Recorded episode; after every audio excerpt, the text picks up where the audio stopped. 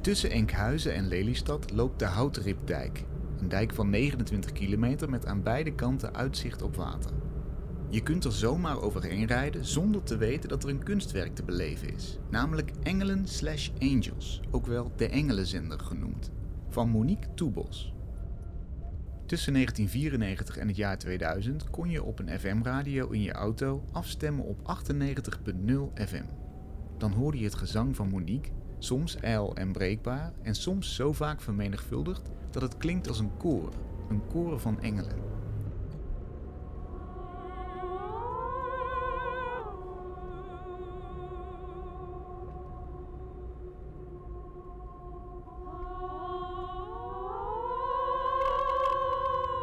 Deze engelenzender was alleen in de buurt van de dijk te ontvangen, tot 31 december 1999 via de ether. Daarna werden de engelen even uit de lucht gehaald, maar ze waren in 2019 weer te beluisteren via een app. Eerst in de context van de tentoonstelling Vrijheid, de 50 Nederlandse kernkunstwerken vanaf 1968, uitgezocht door kunstcriticus Hans den Hartog-Jager voor Museum de Fundatie in Zwolle. Daarna is de app overgenomen door Rijkswaterstaat en later de provincie Flevoland en nu is ze voor iedereen gratis te downloaden. Zet de app aan en zodra je mobiel aangeeft dat je in de buurt van de Houtripdijk bent, beginnen de engelen je weer toe te zingen. Ik spreek over dit bijzondere werk met kunsthistoricus Brigitte van der Zanden, die Monique's werk volgde totdat ze in 2012 overleed. Het is eigenlijk een onmogelijke vraag, maar ik ga hem toch stellen. Wat was Welke? Monique Toebos voor kunstenaar? Dat is inderdaad een onmogelijke vraag. Eh, het was ongeveer de meest veelzijdige kunstenaar die ik ooit heb ontmoet. Ja? Het kon er echt geen zier schelen welke uh, discipline ze gebruikte. Het hing echt van het project af. Ze was gewoon echt een vrijdenker en een vrijmaker wat dat betreft. Wat deed ze allemaal? Ja, performances, uh, fotografie, theater, muziek. Ze was natuurlijk uh, directeur van Dasarts een tijdje, een aantal jaren. Ze zat in allerlei commissies. Uh, Zang, presentatie. Ja, tv. Daar, daar kende ik haar als eerste van. Zij kon eigenlijk elke situatie naar haar hand zetten. En dan ook improviseerd, maar ook altijd met een diepe kennis van uh, de plek waar ze was. Tegelijkertijd ja, was ze ook altijd bezig om alle grenzen op te rekken van de vormen en de media die zij gebruikte. Heb je daar een voorbeeld van? Wat voor grenzen? Nou ja, van, van op tv bijvoorbeeld. Uh, live uitzendingen vier keer. In het kader van het Holland Festival was dat toen in de jaren tachtig. Dat is een heel beroemd uh, voorbeeld, maar ze had een uh, enorme grote noise uh, concert van uh, Glenn Branca, heette die geloof ik toen. Keurige klassieke muziekorkest. de dirigent daarvan die vond het zo verschrikkelijk dat hij wegliep. En met hem ook een deel van het orkest. Het is live hè, dit, dit is natuurlijk verschrikkelijk. Maar zij weet meteen, wist het meteen op te pakken. En er een prachtige ja, aria te zingen. Zonder het orkest dan maar. Nou ja, met een paar orkestleden Ja, die waren blijven plakken. Die waren, die waren ja, gebleven. die, die het ook wel grappig vonden, geloof ik. Ja. En gewoon dat je dat kunt, zonder dat je dan helemaal instort. Dat vind- vond ik echt zo knap. En, en het leverde ook nog iets heel moois en ont, ontroerends op. ja, dus ontregeling. Ja. Maar niet zinloos, maar ook Niet om het te grotere ontregelen thema's. zelf. Ja. Nee, dat was het inderdaad. Ik was, was gewoon echt nieuwsgierig ook naar van wat, wat gebeurt er als je zoiets live doet met alle soorten muziek bij elkaar. Meestal heb je natuurlijk die categorisering. En dat was toen en nu nog meer geloof ik. Maar ze kon het eh, heel goed oprekken. En haar beeldende kunstwerk, want daar ken je haar ook van. Hè? Ja. Vertel eens, hoe was zij als beeldend kunstenaar? Heel conceptueel, maar ehm, ook tegelijkertijd vond ik eh, visueel heel aantrekkelijk. Want eh, ik was toen eh, in Fort Aspera, heb ik een eh, tentoonstelling gemaakt, Tochtelijke Comedie. En daar heb ik haar gevraagd van, zou je de hemel willen vormgeven? En dat wilde ze heel graag. Wat, wat je normaal verwacht van een, kun- een beeldend kunstenaar is dat hij of zij dan objecten gaat plaatsen in een ruimte. Maar dat deed zij absoluut niet. Zij heeft gewoon de hele ruimte, de bovenste verdieping van Fort Aspera, helemaal met groene zeep laten wassen. En totaal wit laten verven. Dus je had een hele lege ruimte met per zaal of per kamer drie eh, witte bankjes. Dat was het enige met wit licht. Je ging daar zitten. Er was niks te horen ook, behalve dan de natuurlijke geluiden dan, eh, van de omgeving. Dus de hemel zat in jezelf dan. Eh, als je daar tegen kon, dan kon je misschien vinden. En Mhm. heel veel mensen werden daar heel nerveus van. En dan, die vertrokken dan weer naar boven. En dan ging je via een trappetje waar een soort knisperend elektrisch geluid te horen was.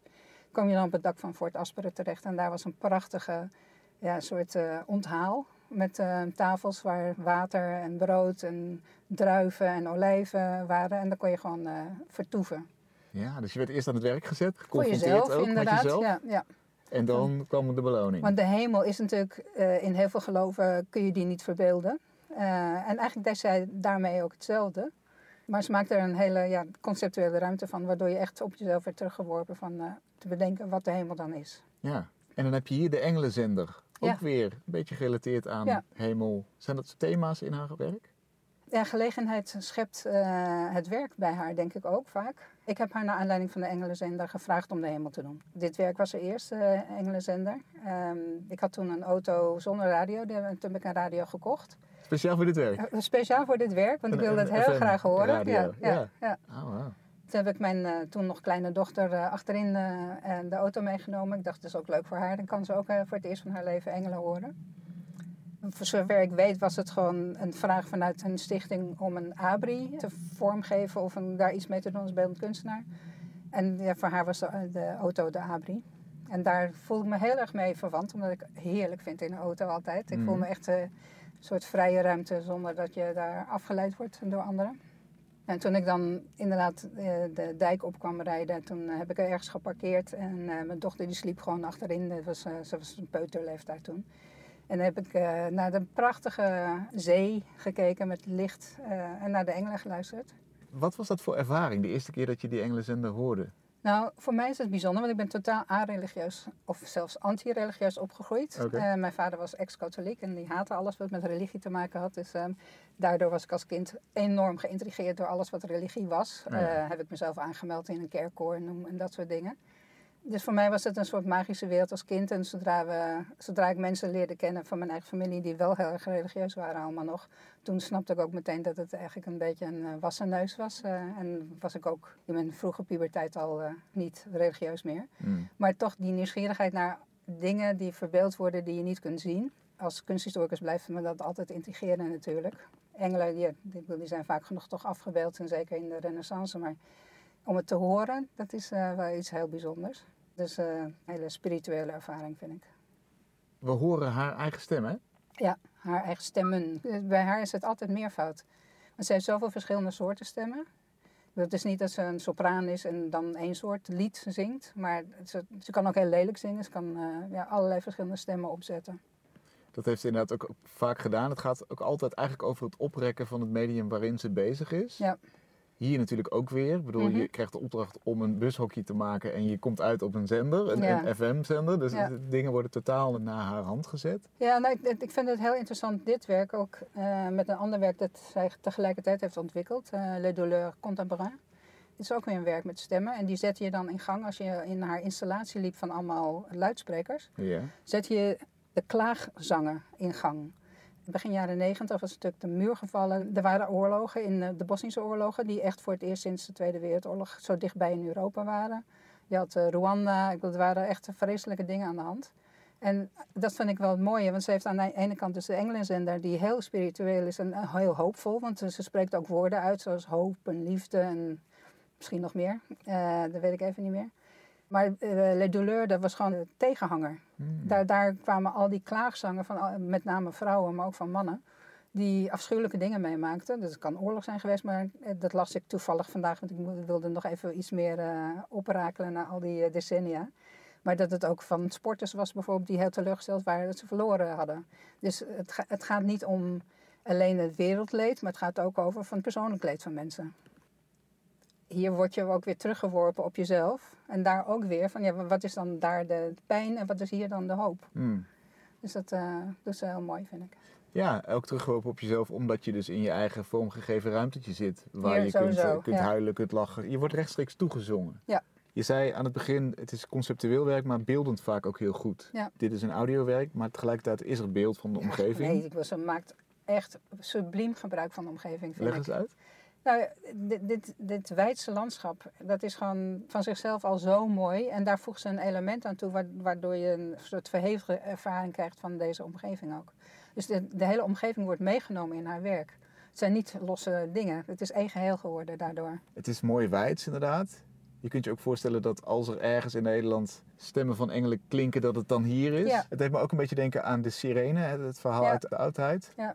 Die, ja, eh, gelukkig worden we niet uh, op nee, de precies. klippen die lokte schepen inderdaad Precies. naar de rotsen toe om ze te laten vergaan. Dat soort concepten die spelen mee. Dat dus ze maakt ook een soort tijdloze, eh, tijdloos gebaar hier. Ja, referenties naar, naar ook oude culturen en oude geschiedenissen en mythes. Ja. Dus in die zin neemt ze heel veel mee bij degene die dan eh, dit ervaart natuurlijk. ja. Dat is het mooie van dit werk ook. Dat het zo vrij is om zelf daar conclusies of gedachten of associaties bij te hebben. Mhm. Ja. Ik las in het artikel dat je over haar schreef dat zij vond dat kunst in de openbare ruimte dat die niet in je gezicht geduwd moet worden, Mhm. dat die subtiel moet zijn. Ja. Ja, dat vind ik wel heel mooi, want zeker in de hedendaagse kunst denken heel veel mensen dat kunstenaars alles moeten kunnen, overal. En Monique is een van degene, was een van degenen, voor mij een van de eerste die dan eh, daar zei, nee, er zijn grenzen aan. Want alles wat je in de openbare ruimte doet, daar vraagt niemand om. En je kunt mensen echt chockeren, dat is heel makkelijk. Waardoor je mensen vervreemdt ook van een eh, kunst, maar ook van de, van de buurt en van dat mensen zeg maar, zich niet meer op hun gemak voelen. Ik weet ook dat ze gewoon eigenlijk vond dat niet alles altijd daar moest zijn. Je moest niet eh, de, de mensheid altijd hetzelfde werk eh, voorschotelen. Ja, precies. Ja. In die geest is het ook wel een beetje, want je moet er best veel moeite voor doen om hier eh, Ja. te, te geraken A, eh, op, Een op auto, locatie. een auto huren of hebben en dan een radio kopen vroeger. En nu eh, natuurlijk een auto huren. Ja, en een app downloaden. Ja. En, en je kunt pas luisteren als je in de buurt bent. Dus die Ja. app signaleert dat je in de buurt bent en dan begint het. Je moet er wel werk voor verrichten. Ja, maar dat vind ik ook heel goed. Omdat het lijkt wel alsof iedereen vindt dat kunst heel, heel makkelijk toegankelijk moet zijn. Maar ook dat was ik het met haar eens. Alles wat de moeite waard is, daar moet je ook moeite voor doen. Eh, anders krijg je gewoon een soort fastfood kunstwerken. Wat wel heel lekker makkelijk wegslikt, maar daarna ben je het ook kwijt. En de Engelenzender heeft echt heel lang bij mij nagezongen. En eh, ik denk dat dat eh, ook heel erg leuk is om dat te ervaren en, en daar ook echt moeite voor te doen. Ja het doet je ook gewoon denken van dingen die je niet kunt zien, wat, dat ze toch aanwezig kunnen zijn. Wat in heel veel culturen heel normaal is, maar in het Westen wat minder. Mhm. Want er zijn dingen die je niet ziet, maar die er zijn er gewoon. En eh, kunstenaars zijn heel goed in staat om dat aan eh, ons te laten zien. Dat het eh, verder gaat dan je eigen dagelijkse bezonjes.